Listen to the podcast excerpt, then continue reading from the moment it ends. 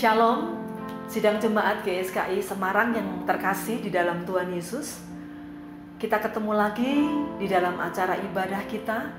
Dan saya percaya saat Bapak Ibu Saudara merindukan akan hadirat Tuhan, biarlah melalui kita memuji menyembah Tuhan. Di dalam ibadah melalui streaming pasti urapan Tuhan, kuasa Tuhan terjadi dalam hidup setiap kita. Bahkan lebih daripada itu kita percaya mujizat kesembuhan terjadi, mujizat kelepasan terjadi. Dan ada banyak perkara-perkara besar yang Tuhan sanggup kerjakan saat kita memuji menyembah Tuhan dengan segenap hati kita. Mari kita boleh memuji menyembah Tuhan dengan hati kita, dengan rasa haus dan lapar akan Tuhan. Kita mau katakan menyenangkanmu, menyenangkanmu Tuhan di mana pun aku berada dan kapan pun aku berada. Aku mau menyenangkan hatimu Tuhan. Terima kasih Tuhan.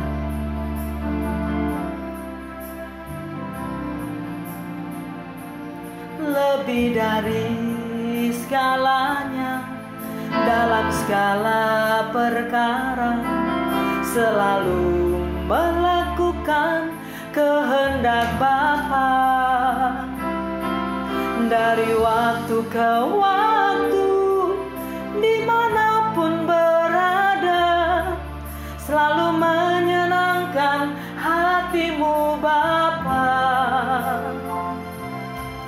Dengan tekun berlomba memandang anak domba mengambil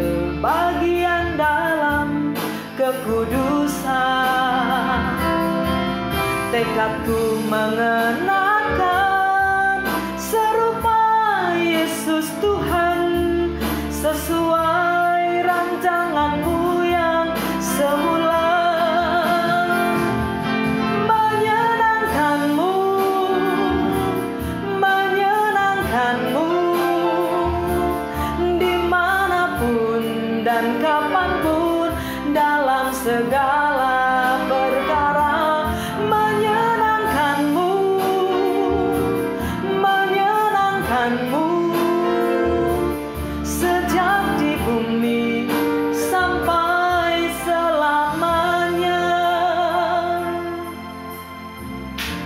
katakan lebih dari segalanya lebih dari segalanya. Dalam segala perkara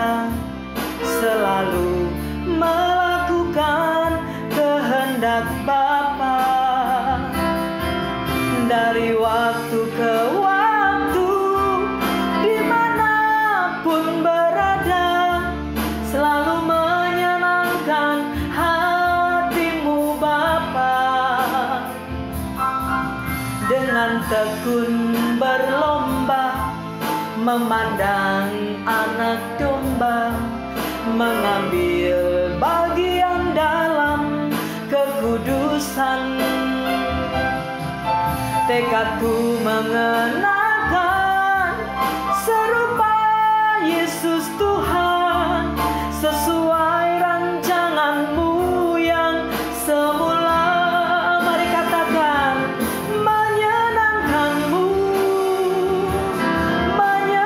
menyenangkanmu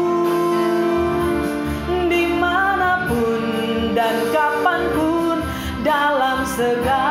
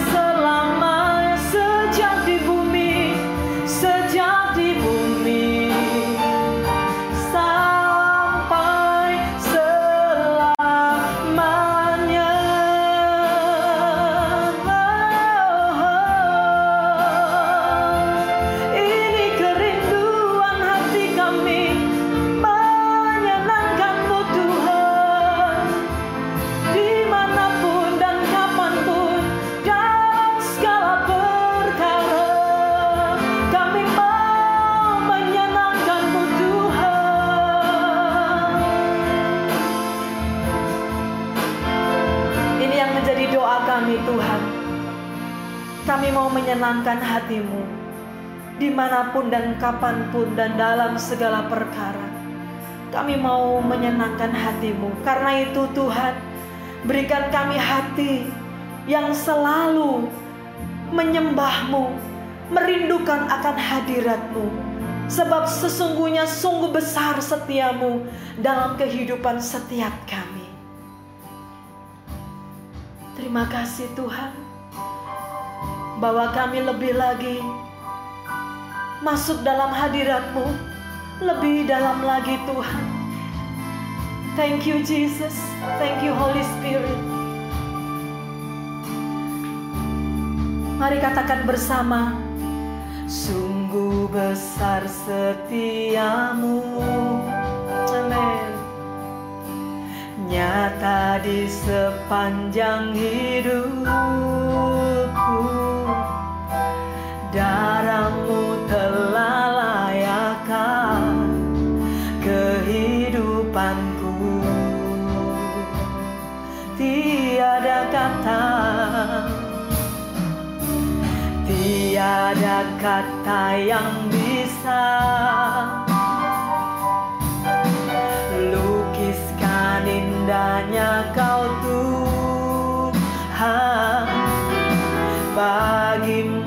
segala pujian dan kemuliaan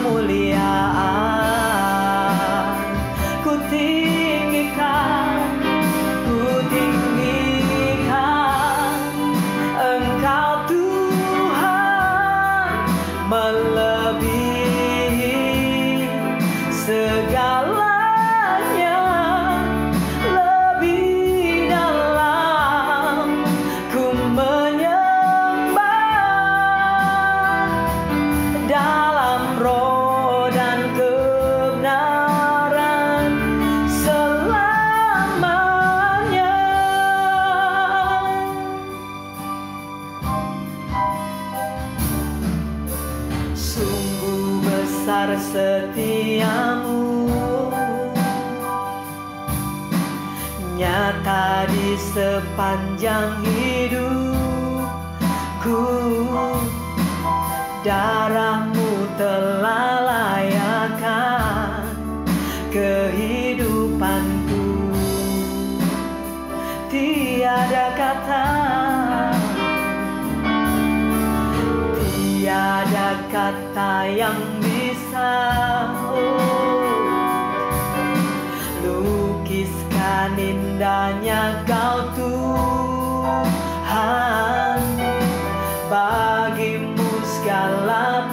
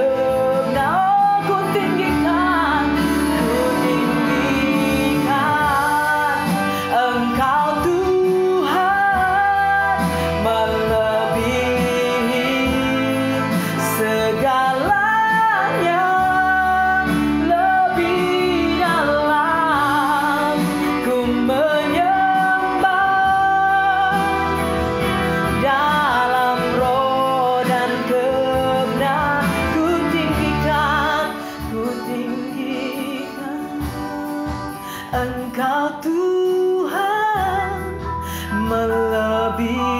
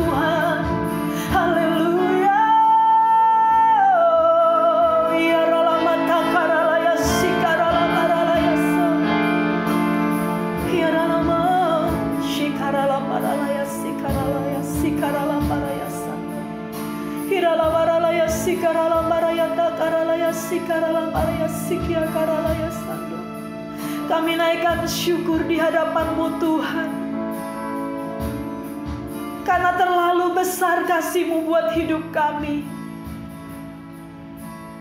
Kami telah melihat bukti kasihmu dalam hidup kami Tuhan. Thank you Jesus, thank you Holy Spirit. Terima kasih Tuhan. Ini hati kami, kami mau persembahkan bagimu Tuhan. Hidup kami hanya untukmu Tuhan.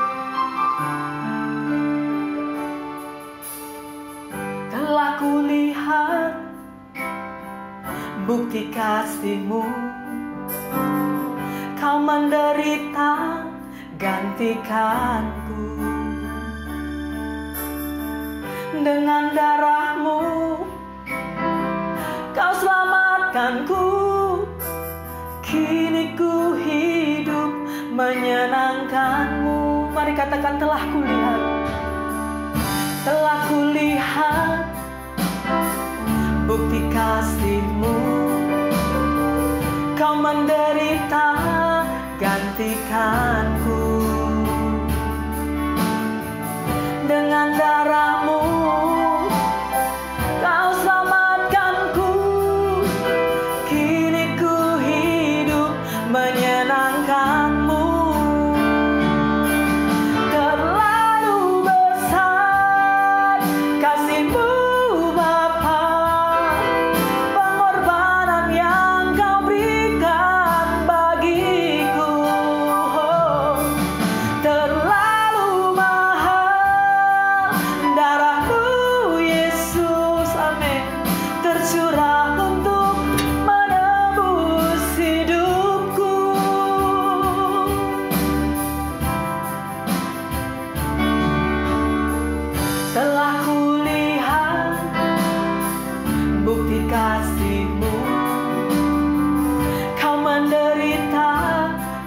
gantikanku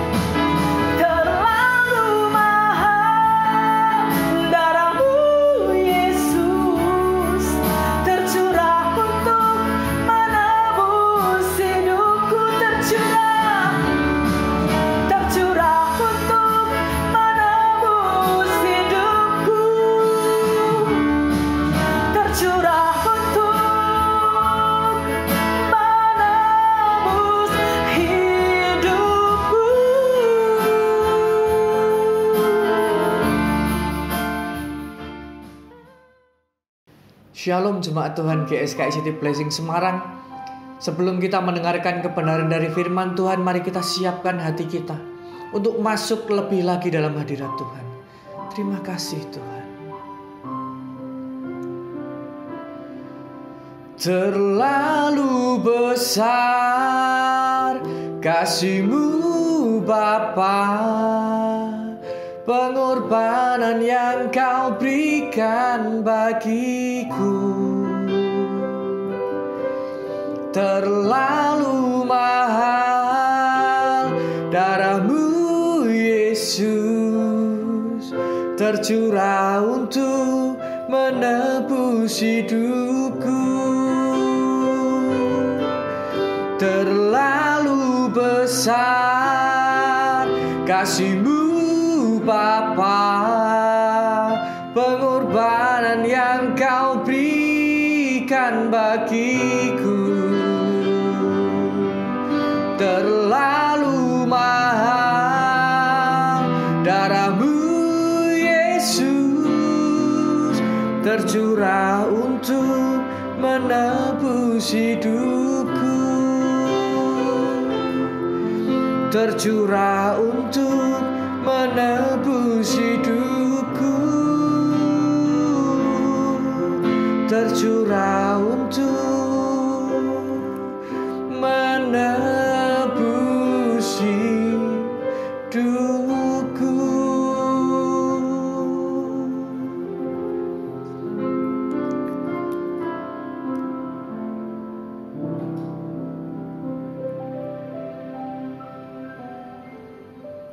Terima kasih Tuhan untuk kesempatan pada pagi hari ini.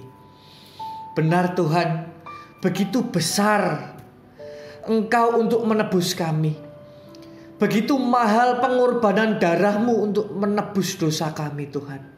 Kami tahu kami orang-orang yang tidak berharga sebelum Engkau tebus dengan darahmu. Tapi kami sekarang adalah orang-orang yang dimenangkan karena kami tahu di 2000 tahun yang lalu Tuhan telah tebus dosa kami. Dan hari-hari ini adalah saat kami untuk mengabdikan diri kami kepadamu Tuhan. Ini adalah saat-saat kami untuk memberikan semua yang terbaik, apa yang kami bisa untuk kemuliaan nama Tuhan. Tuhan Yesus, pada pagi hari ini hambamu akan menyampaikan kebenaran dari firman-Mu. Biar kiranya Tuhan urapi mulut bibir hambamu Agar ketika firman yang muncul Yang sampai kepada jemaatmu yang mendengarkan ibadah online pada pagi hari ini Dapat menjadikan rema dan mengubahkan kehidupan jemaatmu yang mendengarkan firman pada pagi hari ini Terima kasih Tuhan, terima kasih Sembunyikan hambamu di balik salibmu Tuhan Karena hambamu tahu Engkau yang patut dipermuliakan dan Engkau yang patut disembah. Terima kasih Tuhan. Di dalam namamu kami sudah berdoa dan mengucap syukur. Amin. Shalom jemaat Tuhan GSKI City Blessing Semarang kembali berjumpa di dalam ibadah online pada minggu pagi hari ini. Sebelum kita mendengarkan kebenaran dari firman Tuhan, saya mau menyapa bagi jemaat Tuhan GSKI City Blessing Semarang yang setiap minggu rutin mengikuti ibadah online streaming di GSKI City Blessing Semarang. Saya tidak lupa juga menyapa bagi Bapak Ibu Saudara-saudari yang baru pertama kali bergabung di ibadah online GSKI City Blessing Semarang. Saya ucapkan selamat datang, saya ucapkan selamat hari Minggu dan selamat beribadah. Firman Tuhan yang akan saya sampaikan pada pagi hari ini, saya berikan judul yang agak unik. Bahkan Bapak Ibu Saudara-saudari mungkin jarang mendengar tema ini atau bahkan tidak pernah mendengar tema ini. Tapi saya angkat tema ini karena Hari-hari ini saya tergelitik dengan sesuatu yang tanpa kita sadari, tapi kita ada di dalamnya. Jadi pada pagi hari ini saya berikan tema firman yang akan saya sampaikan dengan tema buah dari pohon yang sama. Sebelumnya mari kita baca dalam Filipi 1 ayat ke-22. Beginilah firman Tuhan di dalam Filipi 1 ayat ke-22. Tetapi jika aku harus hidup di dunia ini, itu berarti bagiku bekerja memberi buah. Saya ulang sekali lagi dalam Filipi 1 ayat 22 firman Tuhan berkata, "Tetapi jika aku harus hidup di dunia ini, itu berarti bagiku bekerja memberi buah." Saya tergelitik dengan hmm, hari-hari ini kekristenan ternyata banyak dimanipulasi oleh hal-hal yang terkadang kita tidak sadari. Berapa banyak kita menilai sebuah kesuksesan, berapa banyak kita menilai sebuah keberhasilan dari apa? Yang pertama dari jumlah follower di media sosial. Ini untuk anak-anak muda ya tentunya dan mungkin juga sekarang media sosial banyak digunakan oleh mungkin orang-orang yang yang usia emas pun sekarang menggunakan media sosial di media sosial jika saya lihat mereka berlomba-lomba untuk mendapatkan banyak jumlah follower. Dan setelah mereka mendapatkan jumlah follower yang banyak mereka menganggap diri mereka berhasil. Berapa banyak tanpa kita sadari orang menilai sebuah keberhasilan dari baju apa yang dipakai. Banyak orang menilai keberhasilan dari mobil apa yang dinaiki banyak orang menilai keberhasilan dari di mana rumahnya. Jadi, Bapak Ibu Saudara-saudari, uh, sekalian saya mohon doa uh, minggu depan akan di launching untuk ibadah online atau mungkin bukan ibadah ya, tapi kita mau ada youth, kita mau adakan youth secara online. Maka dari itu tema-tema ini saya angkat di dalam ibadah minggu hari ini karena saya tergelitik banyak anak-anak muda banyak orang-orang pengguna media sosial menilai sebuah kesuksesan, menilai mereka dikatakan mereka hebat berdasarkan follower-follower yang mereka dapatkan. Ini pun yang terjadi di dalam kekristenan hari-hari ini. Orang-orang Kristen dinyatakan sebagai orang Kristen yang hebat jika dia ada di dalam sebuah gereja yang besar Hamba-hamba Tuhan dikatakan sebagai hamba-hamba Tuhan yang berhasil ketika ia menggembalakan gereja dengan ribuan jemaat. Apakah itu salah? Tentu tidak.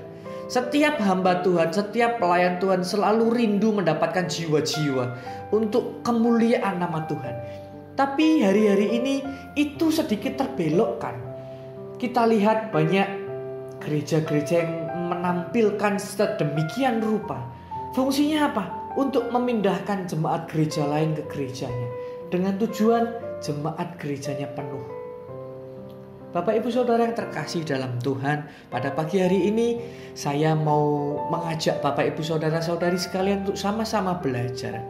Kekristenan sekarang itu banyak tertutupi atau banyak dibalut dengan sesuatu yang terkadang berbau rohani. Tapi jika dibuka tutupnya, mengerikan. Tema saya pada pagi hari ini buah dari pohon yang sama. Tentu Bapak Ibu Saudara-saudari bingung, apa kaitannya buah dari pohon yang sama? Apa urusannya dengan kekristenan hari-hari ini? Oke, pagi hari ini saya mau sedikit memberikan perumpamaan ya. Atau mungkin sedikit pertanyaan. Pernah enggak Bapak Ibu Saudara-saudari berpikir, kenapa ya kok pohon mangga tidak bisa menghasilkan buah jambu. Pernahkah Bapak Ibu Saudara-saudari berpikir atau bertanya, mengapa ya kok pohon nangka tidak bisa menghasilkan buah apel? Kenapa buah pohon apel tidak bisa menghasilkan buah mangga? Kalau saya waktu masih iseng waktu saya nganggur, saya sempat loh berpikir seperti itu. Kenapa ya? Kok pohon mangga tumbuhnya buah mangga? Kenapa ndak pohon mangga bisa tumbuh buah nangka? Kenapa ndak pohon jambu bisa tumbuh buah apel? Saya kadang berpikir seperti itu dan pagi hari ini saya beritahukan jawabannya. Jawaban yang saya dapatkan dari pertanyaan saya yaitu sederhana. Bayangkan jika ada pohon apel bisa tumbuh buah nangka, tumbuh buah alpukat, tumbuh buah jambu, tumbuh buah mangga. Pertanyaannya, disebut pohon apakah ini? Saya ulang sekali lagi, jika kita punya nih atau kita lihat ada pohon punya buah mangga, di dalamnya ada buah nangka, buah pisang, buah jambu. Ini pohon disebut pohon apa? Tentu akan membingungkan. Begitupun juga perumpamaan orang-orang Kristen di zaman zaman hari ini. Saya banyak mengamati anak-anak muda. Mereka di kehidupan media sosialnya terlihat sangat bahagia. Di kehidupan media sosialnya terlihat sangat menikmati hidup. Mereka ngopi di foto, Mereka hangout ke mana di foto. Apakah itu salah? Enggak. Tapi yang salah, ketika kita cermati lebih lagi, berapa banyak orang yang terlihat menikmati hidup di media sosial, tapi dia menikmati neraka di dunia aslinya. Banyak orang-orang yang terlihat bahagia di media sosial, tapi ketika dia sampai di rumah, dia mengalami depresi yang begitu menakutkan. Berapa banyak orang yang dapat tertawa saat ngopi, sedangkan saat dia sampai di rumah, kehidupannya bahkan lebih pahit dari kopi. Pada pagi hari ini, mari kita sama-sama belajar. Kita itu ibarat pohon. Terkadang orang-orang Kristen pada saat-saat hari ini itu terfokus bukan dengan kehidupan pribadinya, tapi dengan kehidupan pribadi orang lain. Berapa banyak orang-orang Kristen yang ketika lihat orang Kristen lain hidupnya lebih diberkati, dia iri. Ketika orang lain ganti mobil, dia iri. Ketika orang lain punya rumah baru, dia iri. Ketika orang lain bajunya bermerek dan mahal, dia iri diri kita itu diumpamakan sebuah pohon Bapak Ibu Saudara. Bayangkan jika kita sebuah pohon, contoh nih ya, saya pohon, uh, contoh saya pohon mangga. Saya melihat di seberang ada pohon jambu. Saya melihat di seberang kiri saya ada uh, pohon nangka. Sedangkan saya pohon mangga. Kalau saya terus-terusan fokus ke pohon jambu dan ke pohon nangka, saya lihat pohon jambu, wah dia berbuah. Saya lihat pohon nangka, wah dia berbuah. Saya lihat pohon jambu, buahnya enak, buahnya merah seger. Saya lihat pohon nangka kuning. Tapi saya tidak memperhatikan pohon saya sendiri. Apa yang terjadi? Akhirnya pohon saya layu. Itu Kristenan hari-hari ini. Kita tidak memperhatikan pohon kita sendiri, kita tidak memperhatikan kehidupan kita sendiri, tetapi kita melihat kehidupan orang lain. Kita melihat pohon-pohon orang lain. Contoh nih, saya pohon mangga nih. Saya lihat di sana ada pohon jambu. Pohon jambu ketika jatuh diambil orang dimakan manis. Jatuh lagi diambil orang dimakan manis. Lalu saya berpikir, kenapa ya kok saya tidak bisa berbuah pohon jambu? Kenapa kok saya tidak bisa berbuah seperti pohon itu? Menghasilkan buah jambu yang enak. Padahal kodratnya saya buah mangga, saya pohon mangga. Tapi karena saya terlalu fokus dengan pohon jambu itu, akhirnya pohon saya tidak berbuah. Itulah yang saat-saat hari ini dialami oleh orang-orang Kristen mereka lebih suka melihat kehidupan orang lain. Mereka suka lebih suka melihat apa yang didapatkan orang lain. Sehingga mereka tidak mengupgrade dirinya sendiri. Sehingga ia tidak menumbuhkan dirinya sendiri. Ia tidak menumbuhkan imannya. Ia tidak menumbuhkan percayanya kepada Tuhan. Sehingga pohon pohon kita ini tidak berbuah. Padahal firman Tuhan jelas mengatakan kalau pohon kita tidak berbuah, apa yang akan dilakukan? Ditebang. Pohon yang tidak berbuah akan ditebang. Secara tidak sadar kadang orang-orang Kristen itu menikmati hidup sebagai pohon yang tidak berbuah. Tanpa kita sadari banyak orang-orang Kristen yang dia menikmati nih, aku sebagai pohon, aku lebih menikmati aku lihat pohon A, aku lebih menikmati aku lihat pohon B.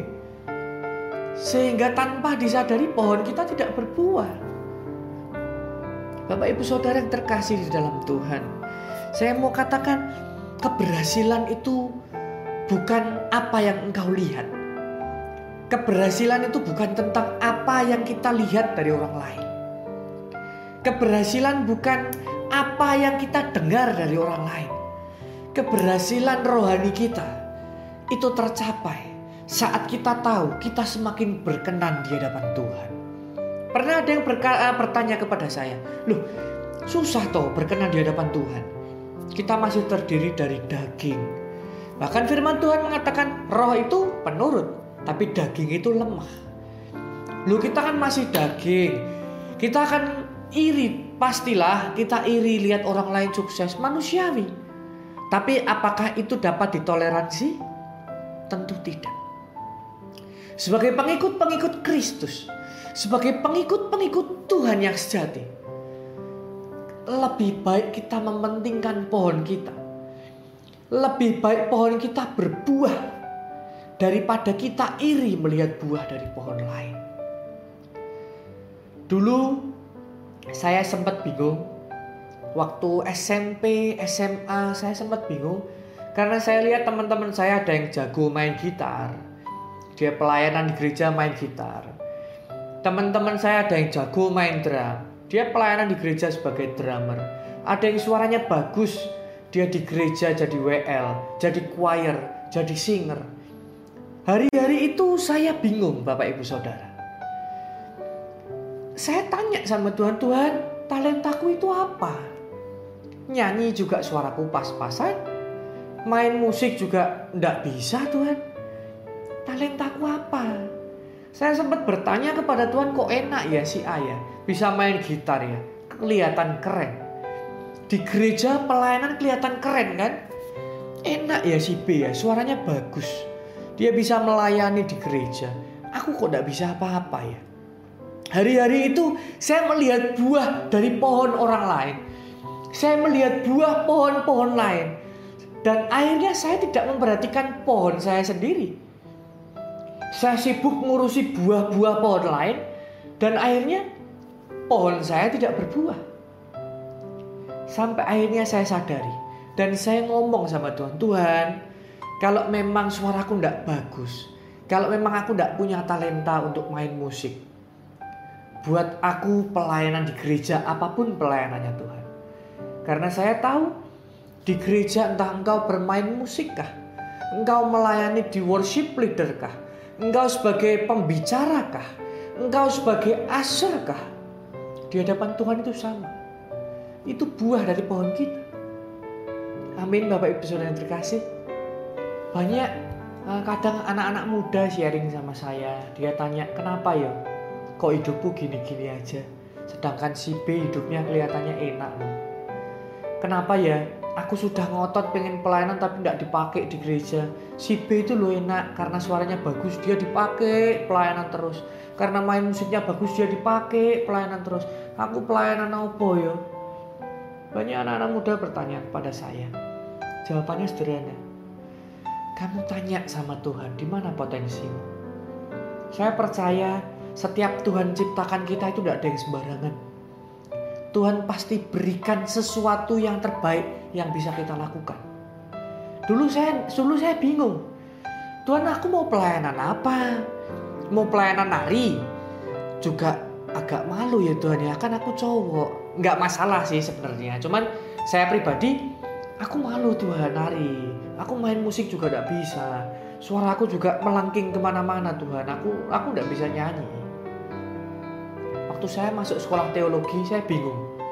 Setelah lulus saya mau pelayanan apa ini? Ngomong di depan orang juga takut. Mau apa? Mau pelayanan apa ini? Sampai akhirnya Tuhan diingatkan saya. Pelayanan itu bukan apa jenis pelayananmu tapi untuk siapa kamu pelayanan itu bukan apa yang kamu lakukan apa yang kamu lakukan dalam pelayananmu bukan itu. Kalau dulu konsep saya seorang pembicara lebih hebat daripada worship leader, worship leader lebih hebat daripada aser, tapi sekarang saya tahu semua di hadapan Tuhan itu sama. Tidak ada yang besar, tidak ada yang kecil, semua sama. Yang Tuhan inginkan itu kita untuk melayani. Bayangkan, kalau semua orang menjadi pendeta, tidak ada yang jadi aser, tidak ada yang jadi worship leader, apakah gereja itu bisa berjalan? Kalau semua gereja isinya aser, tidak ada yang main musik, tidak ada yang worship leader, tidak ada yang pembicara, apakah itu bisa berjalan? Tentu tidak bisa. Jadi dalam suatu gereja itu saling melengkapi. Makanya itu pada pagi hari ini saya sampaikan firman ini, buah dari pohon yang sama. Kita itu pohon. Kita itu ibarat pohon Bapak Ibu Kita ibarat pohon, kalau kita tercipta sebagai pohon mangga, ya buah kita buah mangga. Kalau kita tercipta sebagai pohon jambu, ya buah kita buah jambu.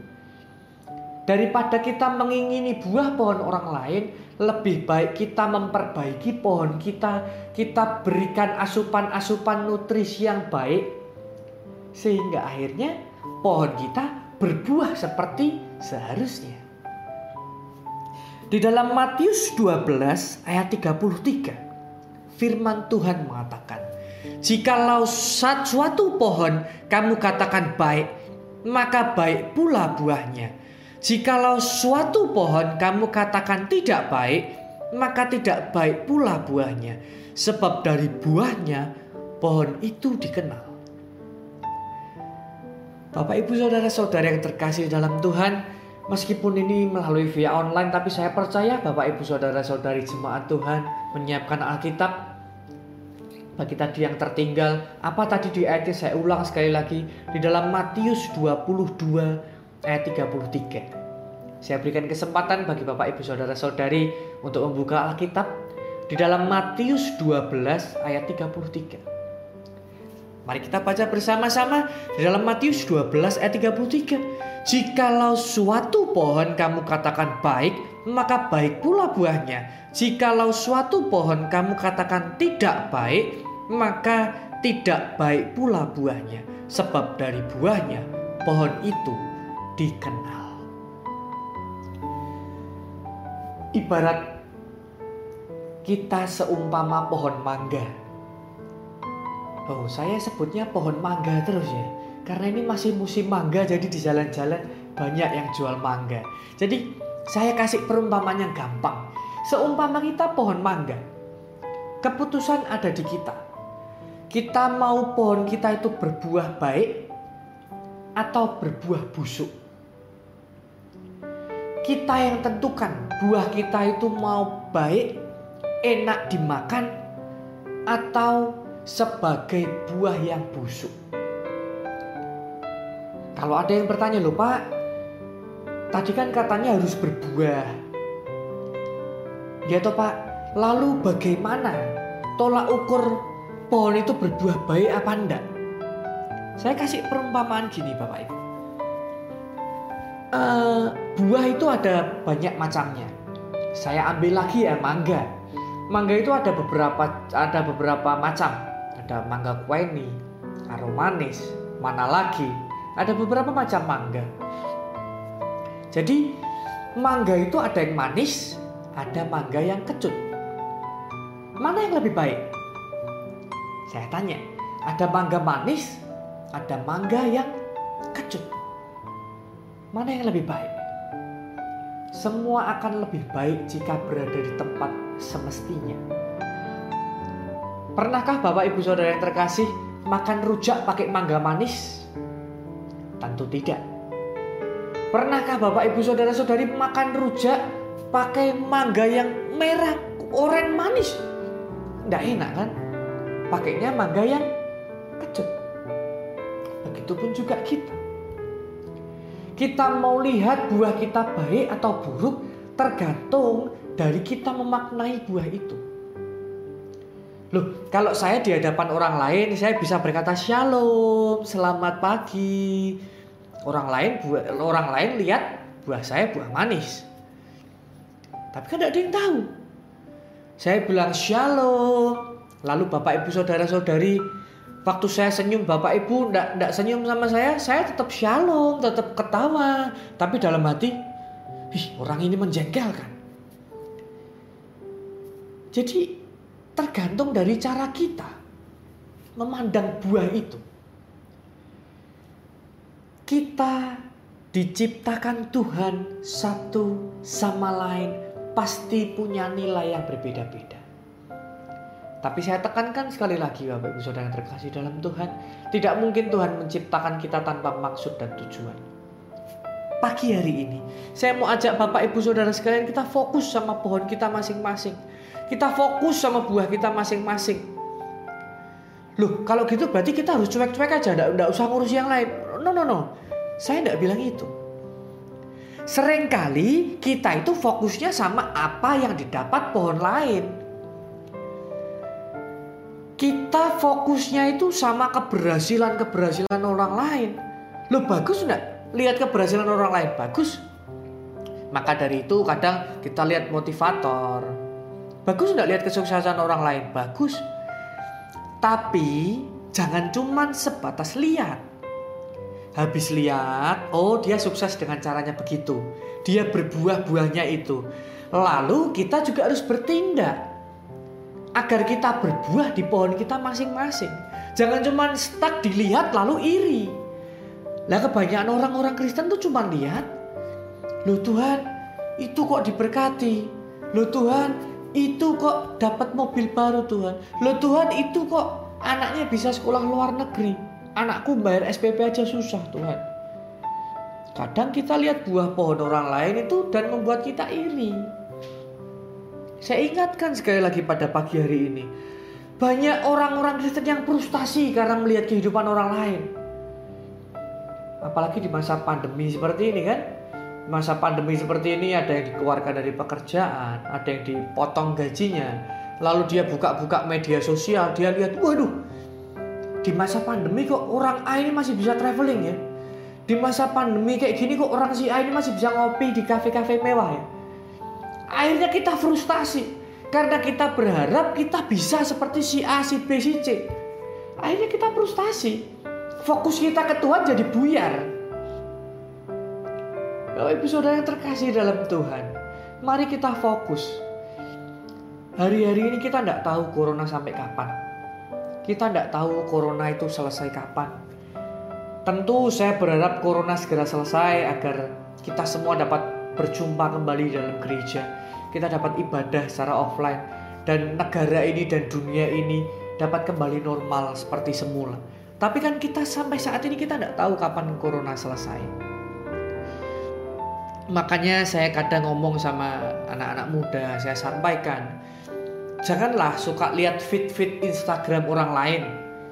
Kalau kamu lihat, terus kamu termotivasi untuk jadi kayak dia, selama baik ya, selama positif ya, oke. Tapi kalau kamu lihat Instagram orang lain, kamu lihat media sosial orang lain hidupnya enak, lalu kamu iri, kamu frustasi, kamu pengen kayak dia, tapi padahal kamu tidak pernah bisa kayak dia, itu tidak ada gunanya. Makanya pada pagi hari ini saya ajak mari kita semua, kita tilik pohon kita. Kita di hadapan Tuhan kita tanya Tuhan, aku itu pohon apa ya Tuhan ya? Aku pohon apa Tuhan? Sudahkah aku berbuah sebagaimana mestinya Tuhan? Sudahkah aku menghasilkan buah dari pohonku ini Tuhan? Kalau kita pohon jambu, sudahkah aku menjadi jambu-jambu yang enak Tuhan? Kalau kita pohon mangga, sudahkah aku menjadi mangga-mangga yang enak Tuhan? Jika kita pohon nangka, sudahkah aku menjadi buah-buah nangka yang enak? Yang bisa dinikmati banyak orang. Yang bisa dapat menjadi berkat bagi banyak orang. Pada pagi hari ini mari kita sama-sama belajar. Mari kita fokus sama Tuhan. Kita fokus sama rencana Tuhan bagi hidup kita. Kita fokus sama rencana Tuhan bagi hidup kita. Jangan terdistract dengan hal-hal yang membuat kita jauh dari Tuhan. Saya pernah sampaikan uh, manusia dan Tuhan itu punya dua versi yang berbeda. Bagi manusia, versi manusia itu mengatakan kehidupan tidak selamanya memberi kita sesuatu yang baik. Itu versi manusia. Kehidupan tidak selalu memberikan kita sesuatu yang baik. Tetapi versi Tuhan, saya mau katakan, versi Tuhan mengatakan kehidupan itu adalah selalu pemberian terbaik bagi Tuhan. Amin, Bapak Ibu Saudara terkasih dalam Tuhan. Mari pagi hari ini kita merenung dari pelajaran yang sangat sederhana. Saya pada pagi hari ini hanya membahas pohon. Saya berikan perumpamaan tentang pohon, pembahasan yang sangat sederhana. Tapi jika kita terima, kita mendengar, kita merefleksikan itu ke dalam kehidupan kita saya percaya ada sesuatu yang diubahkan dalam kehidupan kita. Dari yang tadinya kita iri lihat kesuksesan orang lain, kita jadi tidak iri lihat kesuksesan mereka. Karena kita tahu sukses kita, keberhasilan kita itu dari berbagai macam aspek. Keberhasilan A tentu berbeda dengan keberhasilan B. Si A ini dikatakan berhasil jika apa? Si B ini dikatakan berhasil jika apa? Tentu kan ada seperti itu. Keberhasilan setiap orang itu ada ada sendiri-sendiri, ada porsinya sendiri-sendiri. Saya sampaikan pada pagi hari ini jangan iri melihat kesuksesan orang lain. Ini tadi loh, kalau kita iri, ingat firman ini, buah dari pohon yang sama. Kalau kita buah pohon kalau kita pohon mangga jangan iri kalau ada pohon jambu yang berbuah. Karena kita tidak dapat berbuah-buah jambu karena kita pohon mangga. Kalau kita pohon mangga jangan iri kalau lihat ada pohon nangka yang berbuah nangka. Karena kita tidak dapat berbuah nangka karena kita pohon mangga. Yang dapat kita lakukan kita mengupgrade diri kita kita memberikan nutrisi kepada pohon kita agar pohon kita berbuah agar rohani-rohani kita itu menghasilkan buah yang baik. Tidak cuma sebatas berbuah Bapak Ibu Saudara yang terkasih. Kalau cuma sebatas berbuah, bisa ndak enak, bisa busuk, ya itu berbuah. Tapi kita ingin hidup kita itu berbuah, buah yang baik. Ketika orang lain makan buah kita, orang lain terberkati. Ketika orang lain menikmati buah kita, orang lain merasa kita membawa dampak yang baik bagi mereka.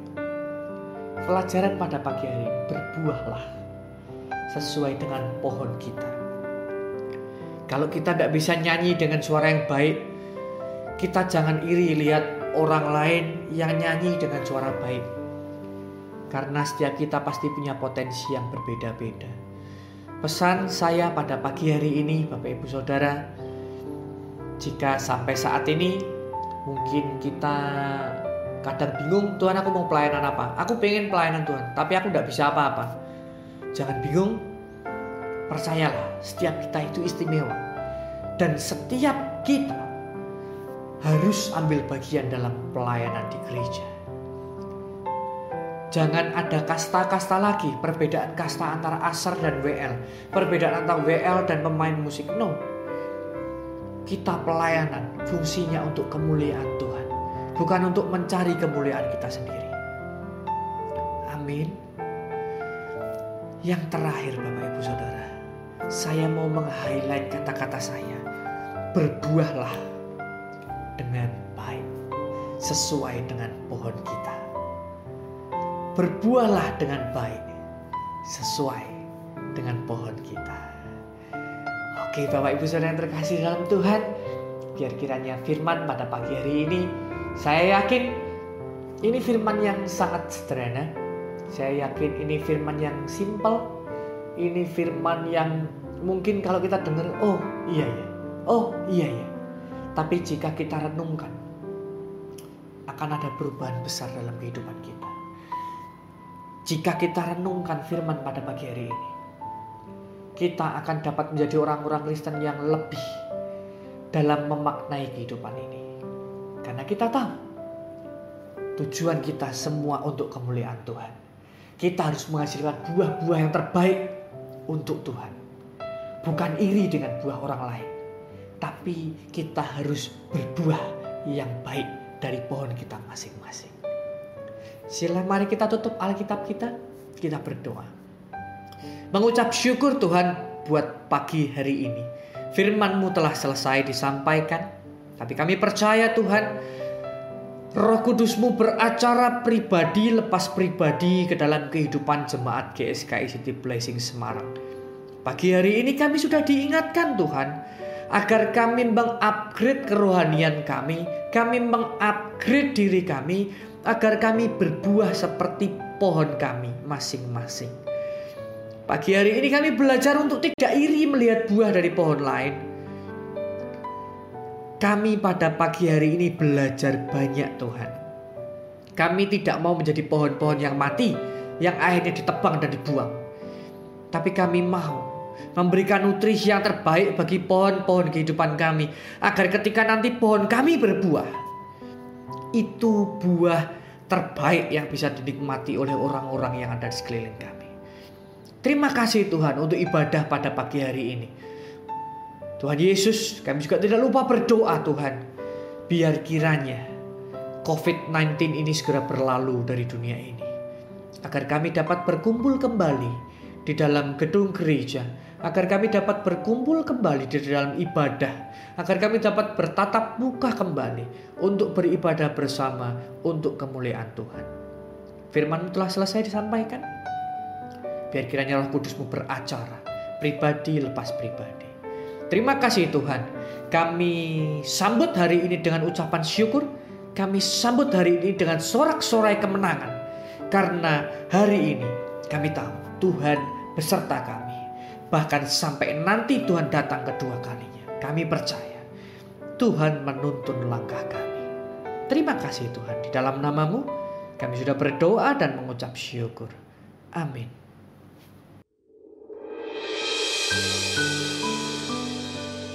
Aku tidak tahu sampai kapan aku hidup.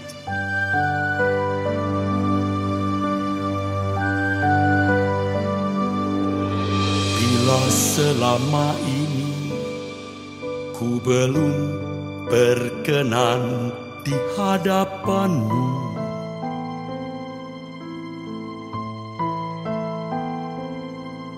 tak ku lakukan kehendakmu, tak ku penuhi rencanamu Bapa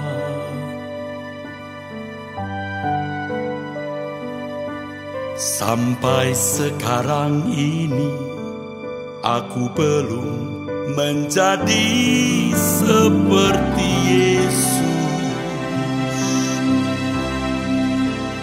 Beriku kesempatan di sisa waktuku kau ubahkan satu yang ku perlu.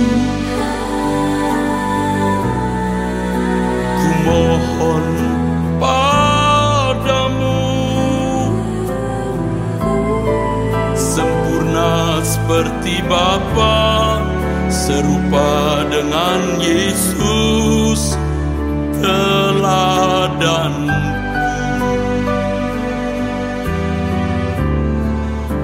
betapa rinduku. Berkenan padamu. Sampai di rumah Bapa ku bertemu Tuhanku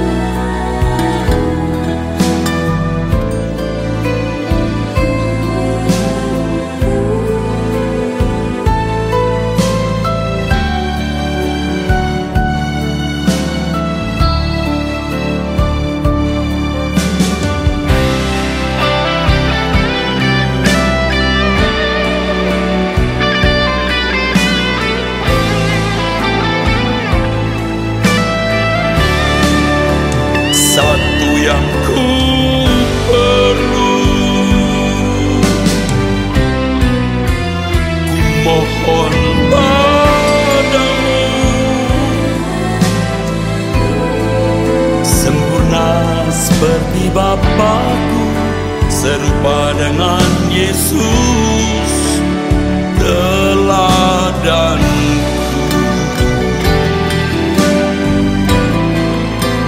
Betapa rinduku.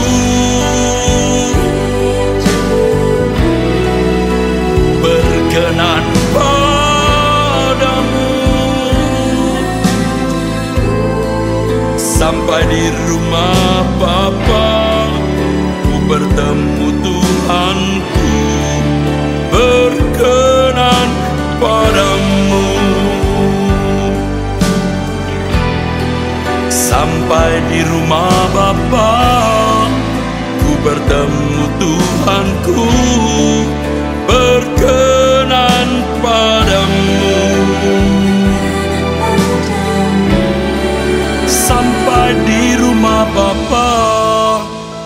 bertemu Tuhanku Berkenan padamu